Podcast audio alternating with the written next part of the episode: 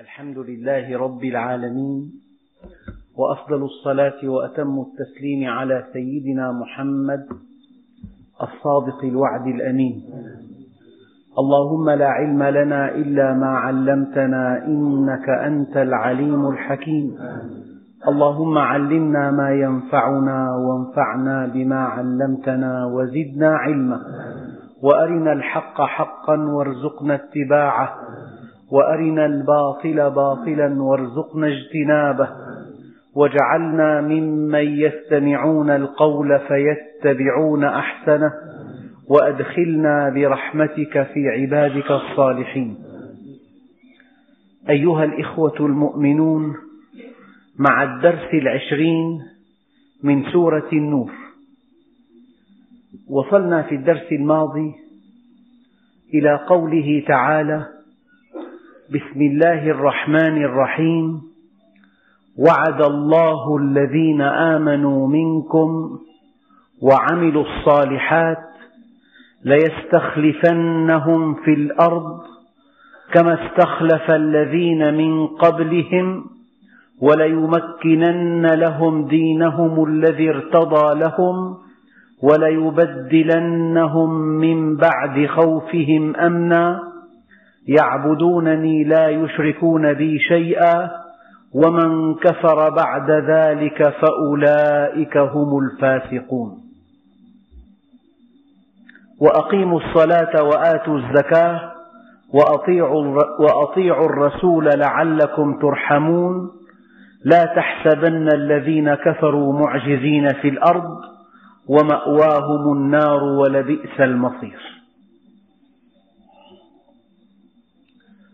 أيها الإخوة المؤمنون وعد الله الذين آمنوا منكم.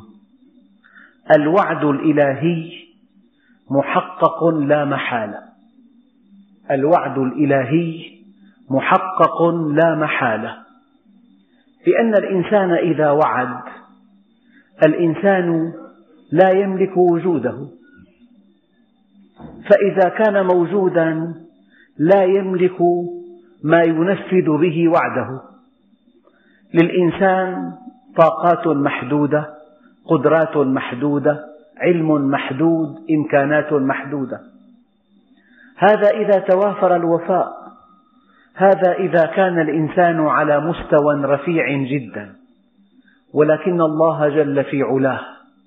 إذا وعد وعدا فإنه محقق لا محالة. لقوله تعالى ومن أوفى بعهده من الله. تقرؤون في, في قبل قراءة الفاتحة في الصلاة أو بعد إقامة الصلاة إنك لا تخلف الميعاد.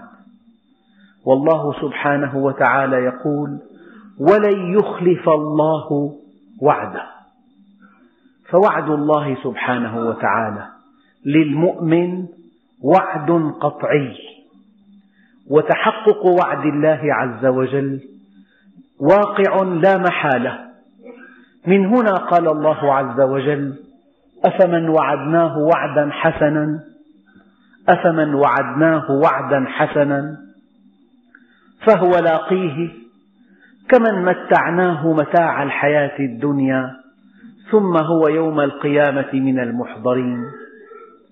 إذا وعدك الله عز وجل بالخير إذا وعدك بالسلامة إذا وعدك بالجنة فإن هذا الشيء واقع لا محالة. لذلك الله سبحانه وتعالى يعبر عن تحقق وعده بالفعل الماضي. الله سبحانه وتعالى وعد العباد أن يرزقهم. لذلك يقول في القرآن الكريم الله الذي خلقكم ثم رزقكم. لأن وعد الله واقع لا محالة. هنيئا لمن وعده الله بالخير والويل لمن متعه الله متاع الحياة الدنيا وقد أوعده الله جهنم. النبي عليه الصلاة والسلام حينما دخل عليه عدي بن حاتم وكان ملكا قال من الرجل؟ قال عدي بن حاتم.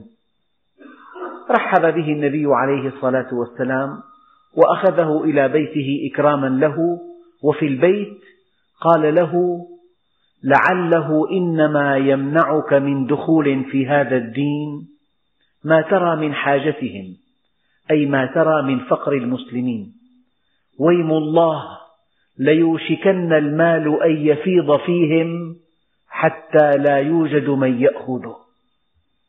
لأن الله سبحانه وتعالى وعد المؤمنين أن يستخلفهم في الأرض وأن يمكن لهم دينهم. الويم الله ليوشكن المال أن يفيض فيهم حتى لا يوجد من يأخذه. ولعله إنما يمنعك من دخول في هذا الدين أنك ترى أن الملك والسلطان في غيرهم.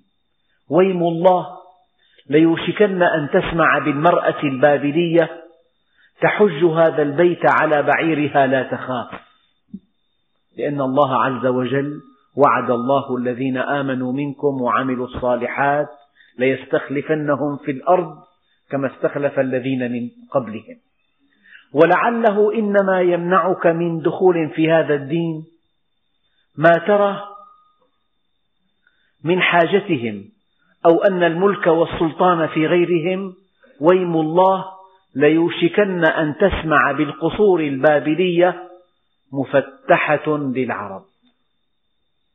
يعني ولقد عاش عدي بن حاتم حتى رأى بعينه القصور البابلية وقد فتحها المسلمون ولقد عاش عدي بن حاتم حتى رأى بعينه أن المرأة تحج على بعيرها تحج البيت على بعيرها لا تخاف ولقد عاش عدي بن حاتم حتى رأى بعينه كيف أن المال فاض فيهم.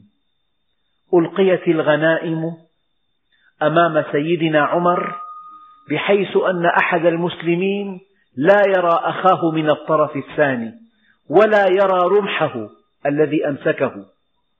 عندئذ قال سيدنا عمر يعني شعر هذا الخليفة العظيم أن وعد الله حق.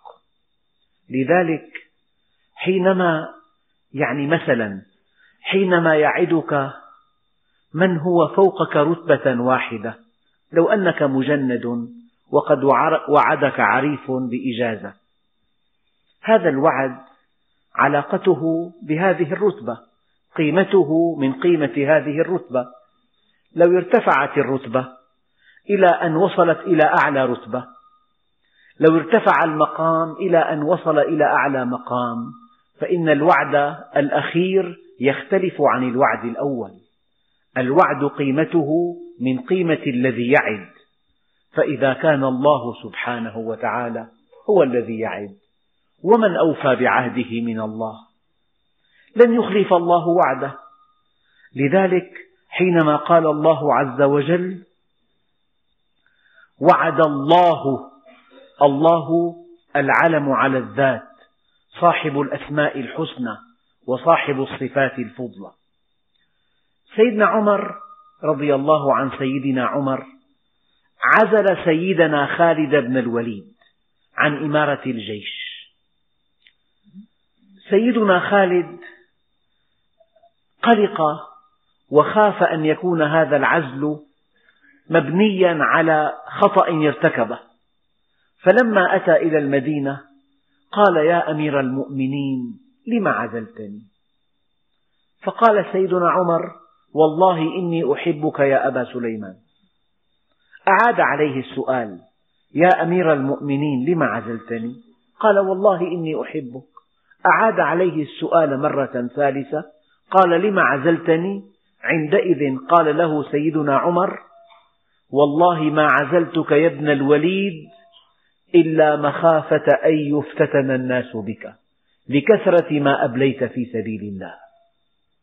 سيدنا عمر موقن يقينا لا شك فيه. أن الله وعد المؤمنين بالنصر. فهذا النصر لا بد من أن يتم, يتم على يد سيدنا خالد أو على يد غير سيدنا خالد. لكنه عزله لئلا يفتتن الناس به ويظنوا أن النصر من عند خالد. إن النصر من عند الله.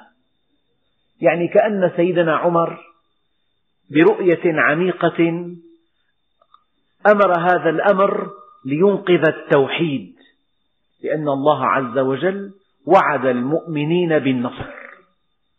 فأي قائد يقود هذا الجيش لا بد من أن ينتصر. فإذا بدل المسلمون وغيروا عندئذ يتخلى الله عنهم وعندئذ لا تجديهم أية وسيلة يتخذونها للنصر. وما النصر إلا من عند الله. إن ينصركم الله فلا غالب لكم. هذه الآية تثبت نبوة سيدنا محمد صلى الله عليه وسلم. لأن الله سبحانه وتعالى في كتابه الكريم وعد المؤمنين بالنصر وقد نصرهم وأعزهم واستخلفهم ومكن لهم دينهم وأبدلهم من بعد خوفهم أمنا فهذا اسمه تنبؤ بالغيب ولا يعلم الغيب إلا الله وها قد وقع هذا الغيب إذا هذا الكتاب من عند الله. بالمناسبة الغيب في القرآن على أنواع ثلاثة غيب الماضي وغيب الحاضر وغيب المستقبل. فهذا من غيب المستقبل. وعد الله المؤمنين بالنصر وبالاستخلاف وبالتمكين في الأرض وقد نفذ وعد الله عز وجل وأصبح رعاة, رعاة الإبل قادة للأمم. أصبح هؤلاء الأصحاب الذين كانوا مستضعفين في الأرض أصبحوا قادة للأمم والشعوب تنفيذا لوعد الله عز وجل. الإمام أحمد روى في مسنده عن رسول الله صلى الله عليه وسلم أنه قال بشر هذه الأمة بشر هذه الأمة بالثناء والرفعة والنصر والتمكين في الأرض فمن عمل منهم عمل الآخرة للدنيا لم يكن له في الآخرة نصيب فمن عمل منهم عمل الآخرة في الدنيا لم يكن له في الآخرة نصيب. كأن هذه البشارة قد وقعت. شيء آخر هو أن هذا الوعد الذي يشمل المؤمنين له معنيان.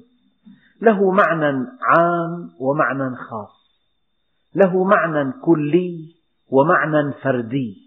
أو له معنى جماعي ومعنى فردي.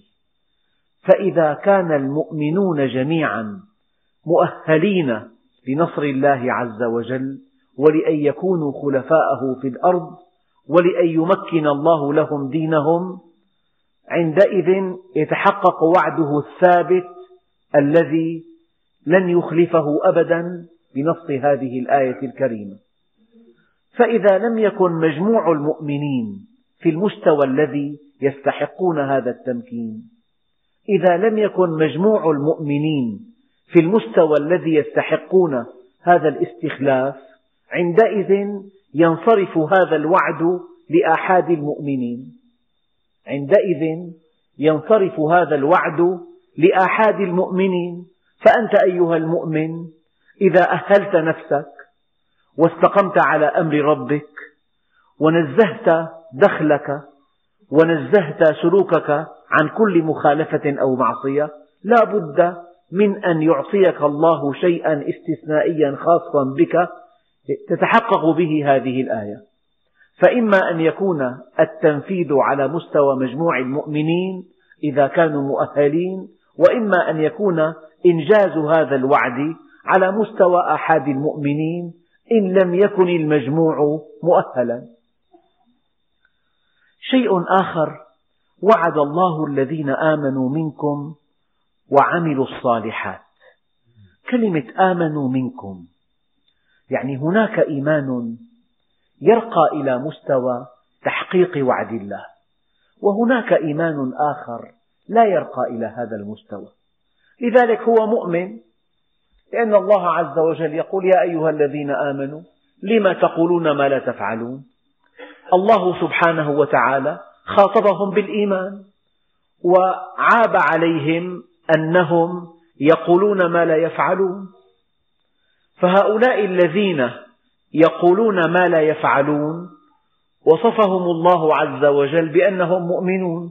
ومع ذلك مستوى هذا الإيمان لا يؤهلهم لتحقيق وعد الله عز وجل.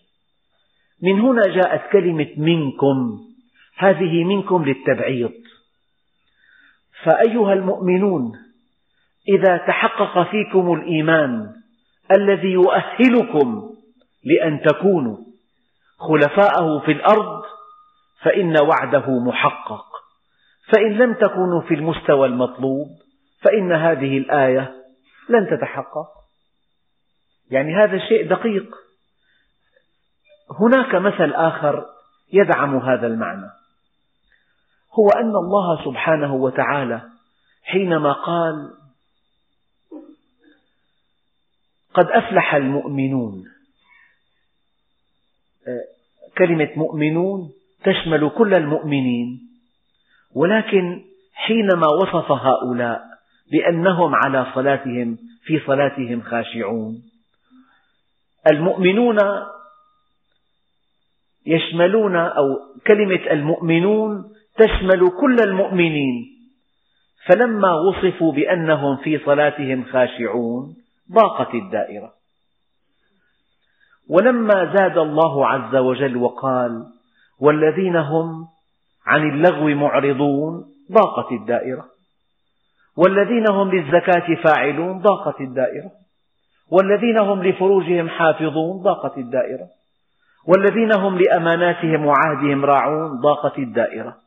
فكلما وصف أهل الإيمان بصفات جديدة تضيق دائرة الشمول. ليس كل مؤمن موعود ليس كل مؤمن تنطبق عليه هذه الآية. وليست كل جماعة مؤمنة تنطبق عليها هذه الآية.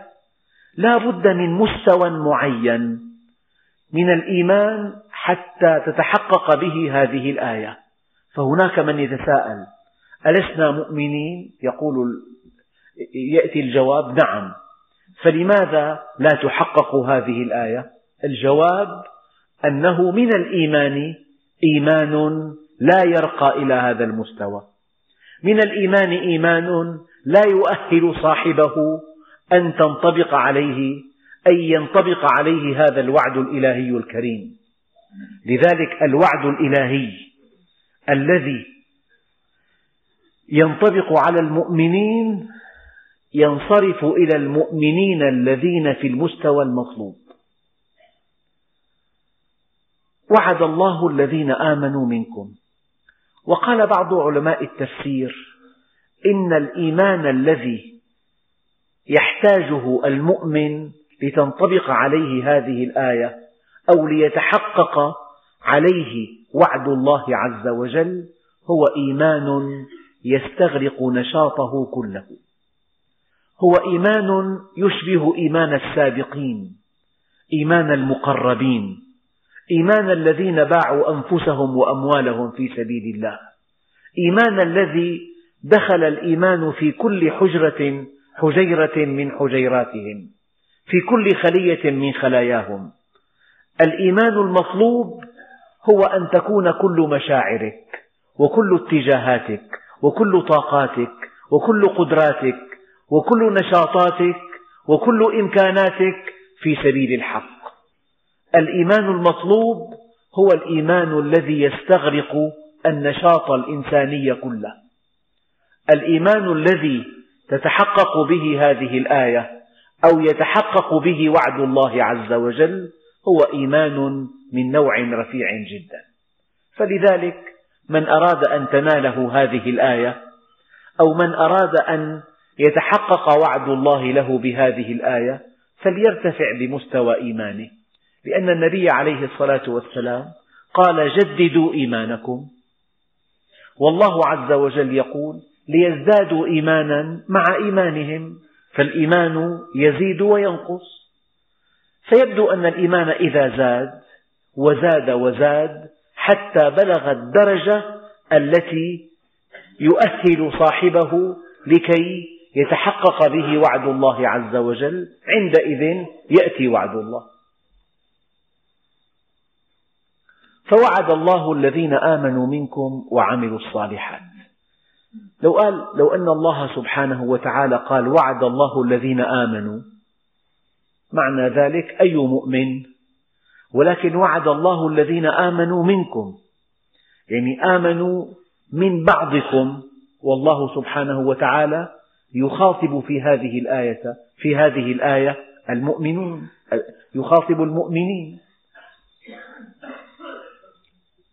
ويبدو أنه لا يصح الإيمان إلا بالعمل. والإيمان بلا عمل كالشجر بلا ثمر. من هنا عطف الله سبحانه وتعالى على كلمة المؤمنين كلمة وعملوا الصالحات.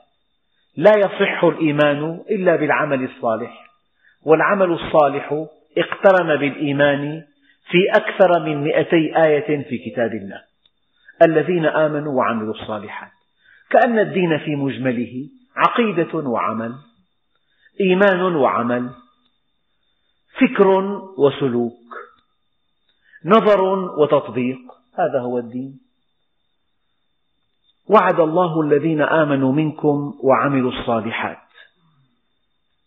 يعني مثلا لو أردنا أن نقول أن لو أردنا أن نعين سفيرا لبلد في بلد.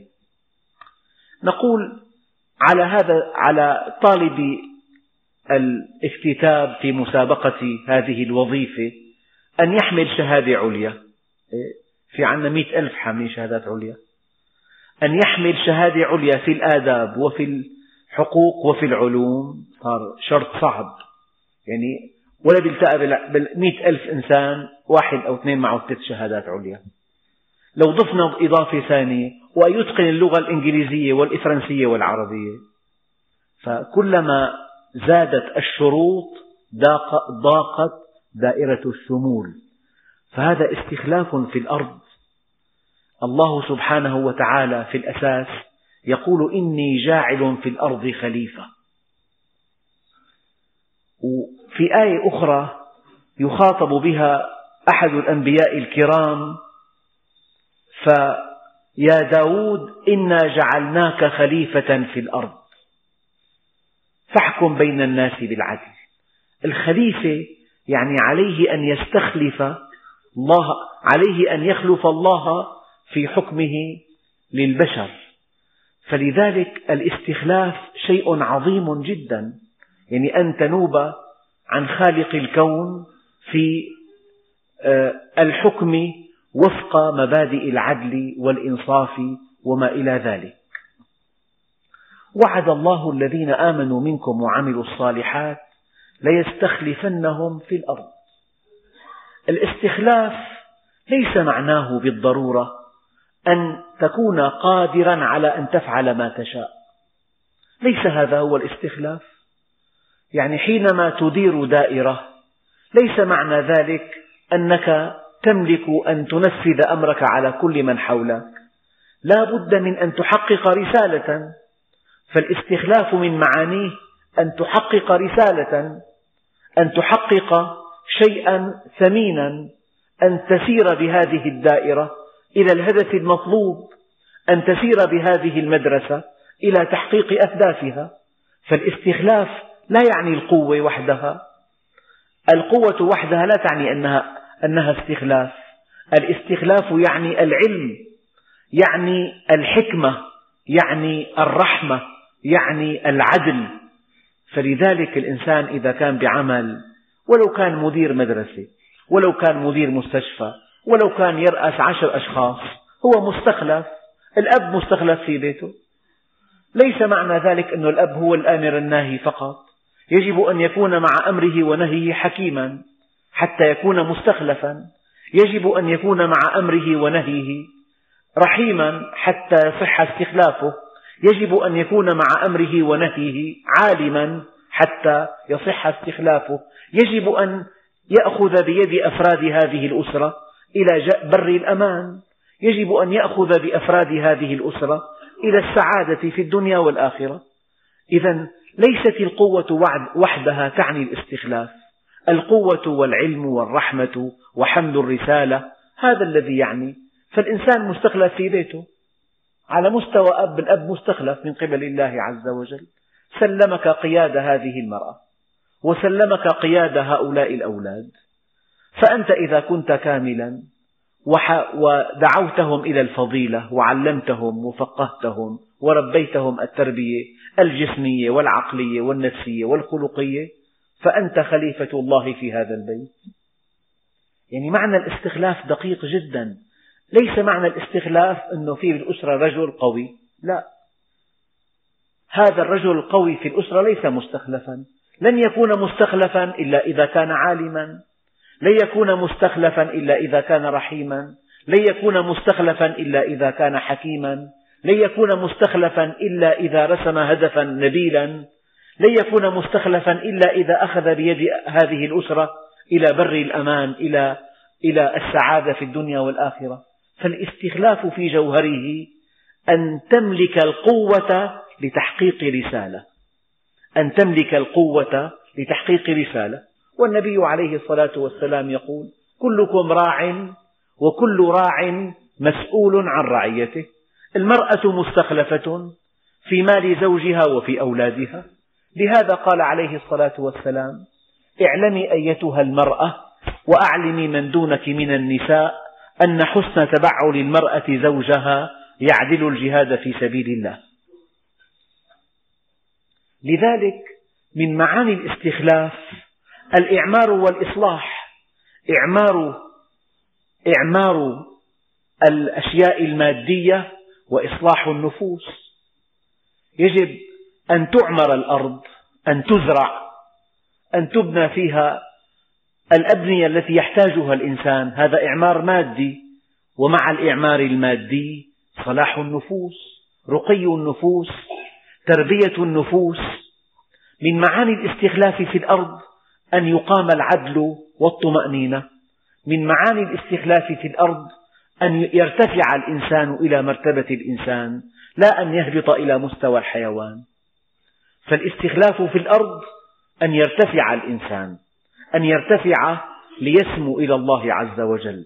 من معاني الاستخلاف في الأرض إقامة العدل والطمأنينة. من معاني الاستخلاف في الأرض إصلاح كل شيء مادي إعمار كل شيء مادي وإصلاح النفوس. لذلك الاستخلاف مهمة كبرى ينيطها الله سبحانه وتعالى بالأنبياء والمرسلين في حياتهم وبمن ينوب عنهم بعد مماتهم. وعد الله الذين آمنوا منكم وعملوا الصالحات ليستخلفنهم في الأرض. الأصل أن الله عز وجل حينما خاطب آدم قال يا إني جاعل قال للجن إني جاعل في الأرض خليفة. استخلاف. يعني يجب أن يقيم هذا الخليفة العدل, العدل يجب أن يرحم الناس يجب أن يحقق مصالحهم. سيدنا عمر حينما عين واليا قال ماذا تفعل إذا جاءك الناس بسارق أو ناهب؟ فقال هذا الوالي أقطع يده. فأجابه عمر إذا فإن جاءني من رعيتك من هو جائع أو عاطل فسأقطع يدك. إن الله قد استخلفنا عن خلقه. استخلفنا عن خلقه. لنسد جوعتهم ونستر عورتهم ونوفر لهم حرفتهم. فإذا وفينا لهم ذلك تقاضيناهم شكرها. إن هذه الأيدي خلقت لتعمل. فإذا لم تجد في الطاعة عملا التمست في المعصية أعمالا فاشغلها بالطاعة قبل أن تشغلك بالمعصية يعني إذا استخلفك أب على أولاده ماذا تفعل؟ إذا استخلفك أب على أولاده يجب أن تؤمن لهم حاجاتهم يجب أن تنتبه لوجودهم في البيت يجب أن تنتبه لأخلاقهم يجب أن تنتبه لتربيتهم الرعاية الكاملة من معاني الاستخلاف. فمو ليس كل إنسان يملك أن ينفذ أمره على الآخر حتى على مستوى الأسرة يعد مستخلفا. الأب القاسي ليس مستخلفا. قاسي قاسي قوي قوي لكنه ليس مستخلفا. لن يكون مستخلفا إلا إذا كان رحيما إلا إذا كان حكيما إلا إذا كان حليما إلا إذا كان عالما إلا إذا سعى إلى إصلاح هذه الأسرة إلى نقلها من شقاء إلى السعادة وهكذا. وعد الله الذين آمنوا منكم وعملوا الصالحات ليستخلفنهم في الأرض كما استخلف الذين من قبلهم. في قوله تعالى كما استخلف الذين من قبلهم يشيع معنى الاستمرار. يعني وكأن هذا قانون إلهي. كلما ارتفع الإنسان إلى المستوى المطلوب استخلفه الله عز وجل. كلما ارتفع إيمان المؤمن إلى المستوى الذي يؤهله أن يكون خليفة الله في الأرض استخلفه الله في الأرض. فلذلك كما استخلف الذين من قبلهم وكأن هذه الآية تشير إلى أن هذه سنة ثابتة من سنن الله عز وجل. الذين إن مكناهم في الأرض أقاموا الصلاة. يعني أنت بالبيت ممكن الأب ممكن بالأرض. يعني أمره نافذ بإمكانه أن يأمر وأن ينهى وأن يجبر وأن يسمح وأن يمنع وأن يغضب وأن لا يغضب. هو مستخلف كي يمكن دين الله في, في هذه الأسرة. فكأن الاستخلاف حينما ربنا سبحانه وتعالى أتبعه بقوله تعالى وليمكنن لهم دينهم الذي ارتضى لهم. يعني ما قيمة عظمة الدين من دون أن يكون يعني مطبقا من دون أن يكون ممكنا من دون أن يكون ثابتا مستقرا. ما قيمة هذا الدين؟ يعني أنت إذا قرأت تعليمات دقيقة جدا لآلة. ما قيمة هذه التعليمات إن لم تمكن من تنفيذها؟ لو أنك أمام آلة معقدة ومعك تعليمات دقيقة جدا وإذا طبقت هذه التعليمات أعطت هذه الآلة أفضل مردود. ما قيمة هذه التعليمات إذا جاءك من يمنعك أن تنفذها؟ إذا لا بد من أن تكون طليق اليد في تنفيذها حتى تؤتي هذه التعليمات أكلها. من هنا جاء قوله تعالى كما استخلف الذين من قبلهم وليمكنن لهم دينهم الذي ارتضى لهم.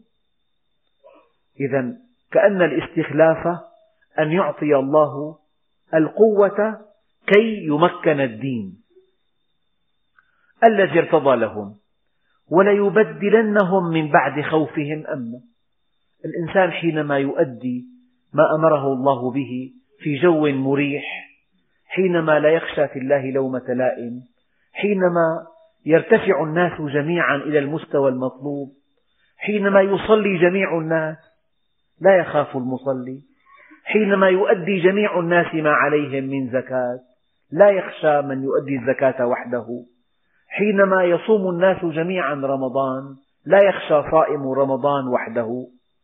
يعني معنى التمكين في الأرض يعني أن يكون هذا الدين ثابتا راسخا مطبقا بكل تفاصيله.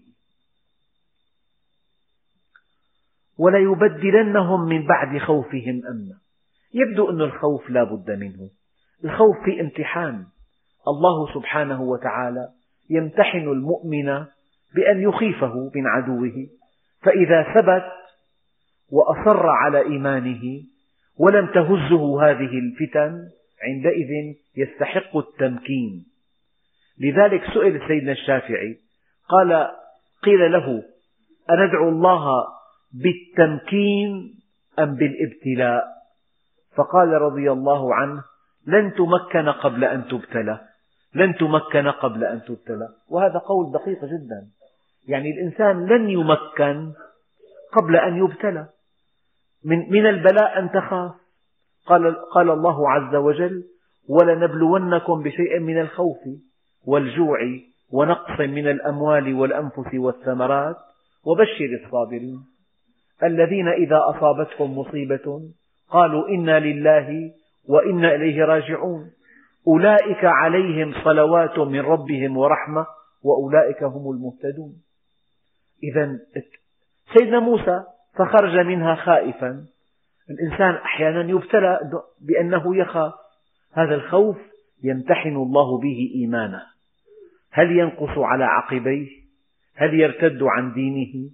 هل يرتد عن طاعته لله عز وجل؟ هل يسقط في هذا الدرب؟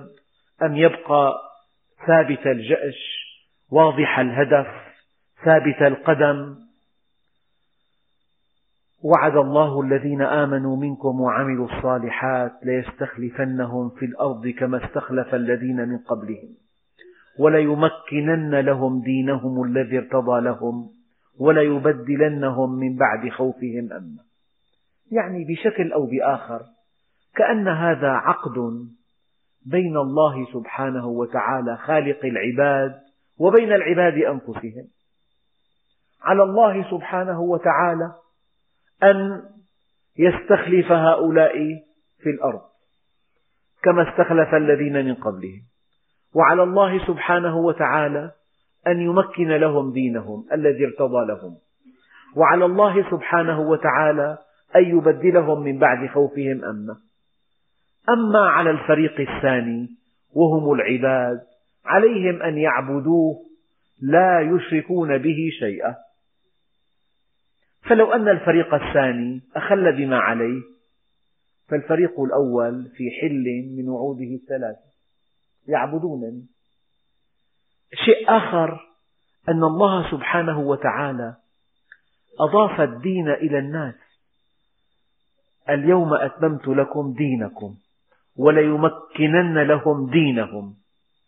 إضافة الدين إلى الناس كما قال بعض علماء التفسير إضافة تشريف. يعني ربنا سبحانه وتعالى شرفنا بأن أضاف هذا الدين إلينا. يعبدونني. الحقيقة أن تعبده هو ثمن الاستخلاف. وأن تعبده ثمن تمكين دينك في الأرض. وأن تعبده ثمن الطمأنينة التي تطمح إليها. من أجل أن تكون مستخلفا وأن يكون دينك ثابتا وأن تكون مطمئنا لا بد من أن تعبده. والعبادة أن تنصاع إليه في كل أوامره ونواهيه.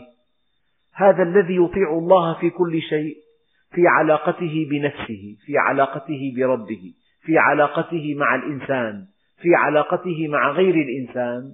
هذا الانصياع التام لتنفيذ أوامر الله عز وجل هو العبادة. ولكن هذه العبادة لا تصح إلا إذا سبقتها معرفة يقينية. لذلك معرفة الله أولا. اعرف الله ثم اعبده. وما الدين في حقيقته إلا معرفة وعبادة. ما لكم من إله غيره. أن اعبدوا الله ما لكم من إله غيره. قل إنما أنا بشر مثلكم يوحى إلي أنما إلهكم إله واحد. هذا الذي يعني يأتي في القرآن في, في أماكن عديدة. ما لكم من إله غيره؟ أن اعبدوا الله ما لكم من إله غيره؟ العبادة هي الطاعة ومعرفة الله هي الإيمان. يعبدونني. لكن ربنا سبحانه وتعالى يقول لا يشركون بي شيئا شيئا. كلمة شيء أنكر النكرات يعني أي شيء مهما صغر اسمه شيء.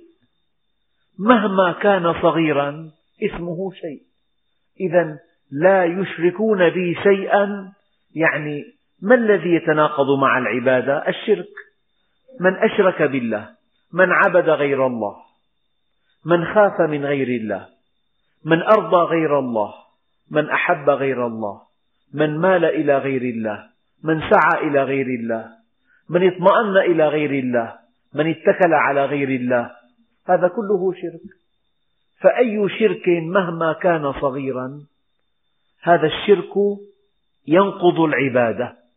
لذلك ربنا عز وجل كلما أمرنا بالعبادة ينهانا عن الشرك ليؤكد لنا أن الشرك مهما كان صغيرا ينقض العبادة. واعبدوا الله ولا تشركوا به شيئا. يعبدونني لا يشركون بي شيئا. ومن كفر بعد ذلك فأولئك هم الفاسقون. الذي يكفر وينحرف عندئذ لا يستحق لا الاستخلاف ولا التمكين في الأرض ولا شيء من هذا القبيل. وأقيموا الصلاة وآتوا الزكاة وأطيعوا الرسول لعلكم ترحمون. طاعة النبي عليه الصلاة والسلام هي عين طاعة الله عز وجل. لقول الله عز وجل وما آتاكم الرسول فخذوه وما نهاكم عنه فانتهوا. طاعة النبي عليه الصلاة والسلام عين طاعة الله. أقيموا الصلاة وآتوا الزكاة وأطيعوا الرسول لعلكم ترحمون. طيب أين الصيام وأين الحج؟ قال بعض العلماء إقامة الصلاة أداء لحق الله. وإيتاء, الزكاة أداء لحق العباد. فكأن الدين فيه شيئان أساسيان. أداء لحق الله وأداء لحق العباد. وأقيموا الصلاة وآتوا الزكاة. في آية أخرى في سورة مريم وأوصاني بالصلاة والزكاة. يعني كثيرا ما تأتي الصلاة مع الزكاة وكأنها إشارة إلى أن أداء الصلاة إلى أن الصلاة تمثل العبادات وأن الزكاة تمثل المعاملات. هناك حقوق لله عليك يجب أن تؤدى وهناك حقوق للعباد عليك يجب, يجب أن تؤدى. وأقيموا الصلاة وآتوا الزكاة وأطيعوا الرسول لعلكم ترحمون. لا تحسبن الذين كفروا معجزين. يعني هذه الآية لها علاقة وشيجة بالآية السابقة.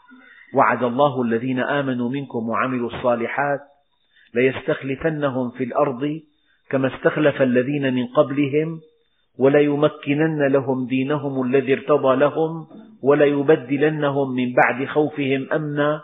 يعبدونني لا يشركون بي شيئا. قد يأتي على المؤمن خاطر. كيف يستخلفني الله في الأرض؟ وعدوي قوي مكين. كيف يستخلفني الله في الأرض؟ وأنا لا قبل لي بعدوي. يعني حينما فتح المسلمون بلاد قيصر وكسرى قيصر وكسرى قوتان كبيرتان في ذلك الوقت. يعني يشبهان إلى حد كبير القوتين الكبريين في العالم اليوم. فكيف فئة قليلة مستضعفة في أرض الحجاز تستطيع أن تفتح هاتين الدولتين العظيمتين الراسختين القويتين. يعني قد يأتي هذا الوعد مغايرا لما ألفه الناس. قد لا يصدق الناس وعد الله عز وجل. قال له لعلك إنما يمنعك من دخول في هذا الدين ما ترى من حاجتهم. ويم الله ليوشكن المال أن يفيض فيهم حتى لا يوجد من يأخذه. لعله إنما يمنعك من دخول في هذا الدين أنك ترى أن الملك والسلطان في غيرهم. ويم الله ليوشكن أن ترى القصور البابلية مفتحة للعرب مفتحة للعرب المسلمين. يعني الإنسان قد لا يصدق أن فئة مؤمنة لا تزيد عن ألفين أو ثلاثة من المؤمنين الصادقين مع النبي عليه الصلاة والسلام. هذه الفئة سوف تكتسح الشرق والغرب. لذلك ربنا عز وجل طمأن المؤمنين. قال ولا تحسب لا تحسبن الذين كفروا معجزين. إنهم باقون بأمر الله. فلو أن مشيئة الله عز وجل شاءت أن يضعفوا لضعفوا. ولا لا تحسبن الذين كفروا معجزين في الأرض وما لهم ومأواهم النار ولبئس المصير. أذن أبو محمد. صغير. الأب قوي بحسب الأعراف الاجتماعية بيده السلطة بإمكانه أن يطلق زوجته بإمكانه أن يضرب أولاده ضربا قاسيا بإمكانه أن يرحمهم بإمكانه أن يعطي واحدا دون الآخر. بإمكانه أن يعدل بينهم. فحينما يكون الأب مستخلفا شيء وحينما يكون الأب مبتلا شيء آخر. فمن كان أبا وآتاه الله قوة ولم يحقق العدل بين أفراد أسرته. لو كان أبا وآتاه الله قوة ولم ينتقل بأفراد الأسرة إلى السعادة في الدنيا والآخرة. ليس مستخلفا ولكنه مبتلى. يعني ممتحن. إذا أدى الامتحان على الوجه, على الوجه المطلوب صار مستخلفا. فالاستخلاف شيء والابتلاء شيء آخر. هذا المعنى يشبهه معنى آخر. هو أن المال ليس نعمة إلا إذا أنفقته في طاعة الله. هو ابتلاء. المال قبل إنفاقه في طاعة الله ابتلاء. وبعد إنفاقه في طاعة الله نعمة عظيمة. الزوجة قبل أن تقودها إلى الإيمان ابتلاء قد تبتلى بها قد تفتتن بها. أما إذا أخذت بيدها إلى الله عز وجل عندئذ تصبح نعمة. القوة والمال والعلم هذه الأشياء تكون تارة نعمة وتكون تارة ابتلاء. فالأب في بيته لا يسمى مستخلفا إلا إذا حقق رسالة الدين في أفراد أسرته. عندئذ تنطبق عليه الآية الكريمة وعد الله الذين آمنوا منكم وعملوا الصالحات ليستخلفنهم في الأرض من أجل أن يمكن الله بهم دينه. يستخلفنهم في الأرض من أجل أن يمكن الله بهم دينه. فإذا مكن الله بهم دينه كانت الطمأنينة محل الخوف. شيء آخر في هذه الآيات هو الاستخلاف يتسع ويتسع ويتسع فيشمل الأمة ويضيق ويضيق ويضيق فيشمل الأسرة وكل واحد منا مستخلف. المعلم في صفه مستخلف. هؤلاء أطفال وضعهم الله بين يديك. ما معنى أنك مستخلف؟ يعني الله جعل جعلك نائبا عنه في معاملتهم. هل, هل تضربهم أم ترحمهم؟ إذا أردتم رحمتي فارحموا خلقي. إذا أردتم رحمتي فارحموا خلقي. فالإنسان بيعامله مستخلف غير بيته الآن. أنت معلم. جعلك الله خليفته على هؤلاء الصغار. أنت طبيب. جعلك الله خليفته على هؤلاء المرضى. أنت موظف جعلك الله خليفته على هؤلاء المراجعين. هل تنصف بينهم؟ هل ترحمهم؟ أم تضع العراقيل في وجوههم؟ فالاستخلاف شيء مخيف جدا. كل إنسان بعمله مستخلف يعني ممتحن. فإذا كان يملك قوة بعمله يعني بجوز رئيس دائرة عنده خمس موظفين بإمكانه يعني يأذي واحد منهم بإمكانه ينفع واحد. فهو, فهو مبتلى إن لم يعدل بينهم ومستخلف إن عدل بينهم. فصار الاستخلاف ليس معناه أن تكون قويا لا.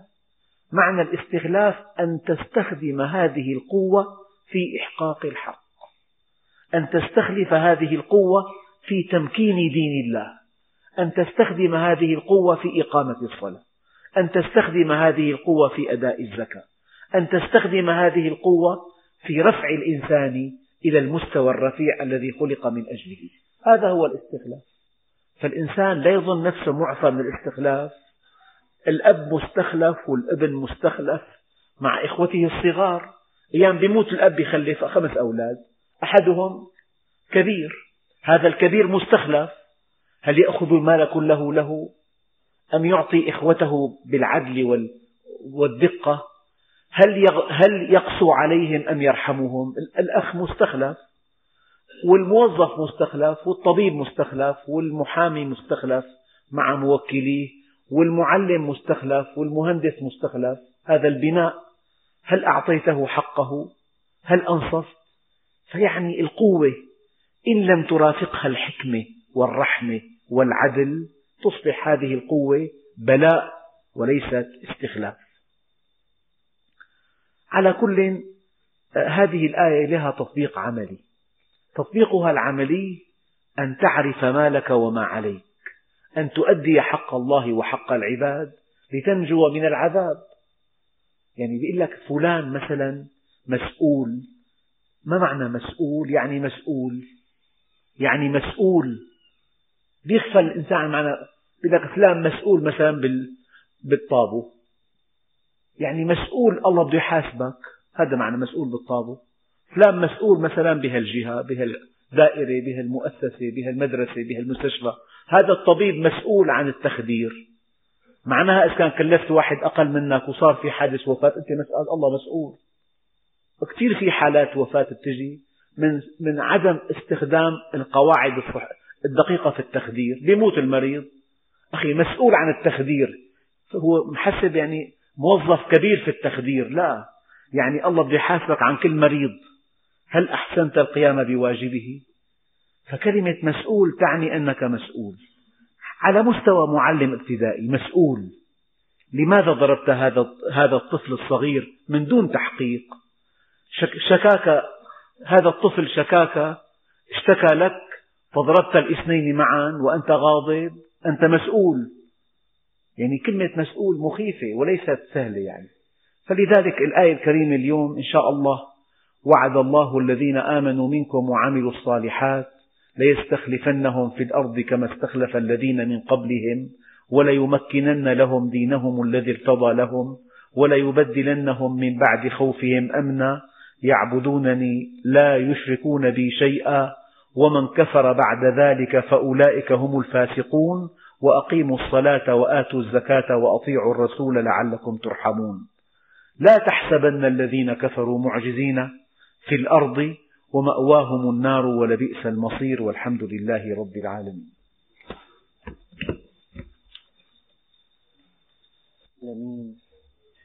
وأفضل الصلاة وأتم التسليم على سيدنا محمد الصادق الوعد الأمين.